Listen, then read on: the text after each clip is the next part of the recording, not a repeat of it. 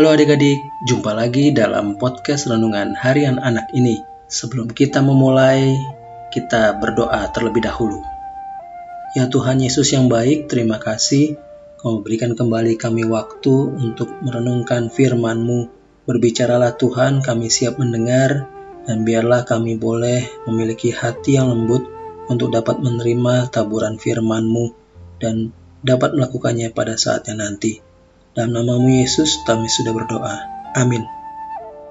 Firman Tuhan hari ini diambil dari Lukas 12 ayat 8 sampai 12. Lukas 12 ayat 8 sampai 12 yang berbunyi demikian. Aku berkata kepadamu, setiap orang yang mengakui aku di depan manusia, anak manusia juga akan mengakui dia di depan malaikat-malaikat Allah. Tetapi barang siapa menyangkal aku di depan manusia, ia akan disangkal di depan malaikat-malaikat Allah. Setiap orang yang mengatakan sesuatu melawan anak manusia, ia akan diampuni. Tetapi barang siapa menghujat roh kudus, ia tidak akan diampuni. Apabila orang menghadapkan kamu kepada majelis-majelis atau kepada pemerintah-pemerintah dan penguasa-penguasa, janganlah kamu khawatir bagaimana dan apa yang harus kamu katakan untuk membela dirimu Sebab pada saat itu juga Roh Kudus akan mengajar kamu apa yang harus kamu katakan. Demikianlah firman Tuhan.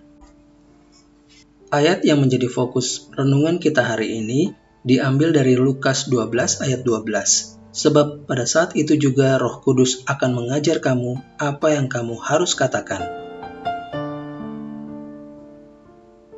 Adik-adik, hari ini kita belajar dan mengenal lebih dekat tentang Roh Kudus kita sudah banyak mengenal dan mendengar cerita tentang Tuhan Yesus. Namun bagaimana dengan Roh Kudus? Yuk kita berkenalan dengan Roh Kudus atau Roh Penghibur. Yang pertama, Roh Kudus adalah pribadi. Dia bukan benda atau bahkan bukan burung merpati yang banyak digambarkan seperti ketika Tuhan Yesus dibaptis. Roh Kudus adalah pribadi ketiga dalam konsep Allah Tritunggal. Kita sebagai orang Kristen mengakui bahwa hanya ada satu Tuhan, namun Tuhan menampakkan dirinya dalam tiga pribadi, yaitu Allah Bapa, Allah Anak, dan Allah Roh Kudus. Roh Kudus memeteraikan orang percaya untuk terus bertumbuh dalam imannya. Roh Kudus yang membimbing kita sehari-hari. Melalui hati kecil kita, Roh Kudus membantu kita untuk tetap berjalan dalam perintah dan kehendak Tuhan. Dengan bantuan Roh Kudus, kita sebagai anak-anak Tuhan dapat beribadah bersama. Roh Kudus juga mempersatukan kita dalam iman kita kepada Kristus. Roh Kudus juga yang membisikkan kepada kita kehendak Tuhan dan memberikan misi kepada kita untuk dilaksanakan sesuai dengan kehendak Tuhan.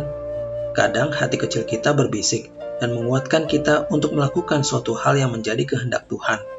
Walaupun secara logika kita merasa tidak mampu melakukannya. Itulah peran Roh Kudus untuk memampukan kita.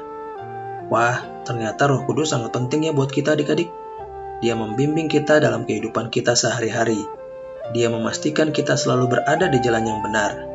Terima kasih ya Tuhan telah mengirimkan Roh Kudus untuk membimbing kami semua. Mari adik-adik, hari ini kita serukan bersama-sama. Roh Kudus selalu menyertaiku dalam setiap langkahku. Roh Kudus selalu menyertaiku dalam setiap langkahku.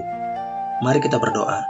Bapa di surga kami berterima kasih karena Tuhan telah mengirimkan roh kudus untuk selalu membimbing langkah kami. Terima kasih ya Tuhan, dalam namamu Tuhan Yesus kami sudah berdoa. Amin. Demikian adik-adik, renungan podcast hari ini. Sampai jumpa besok, Tuhan Yesus memberkati.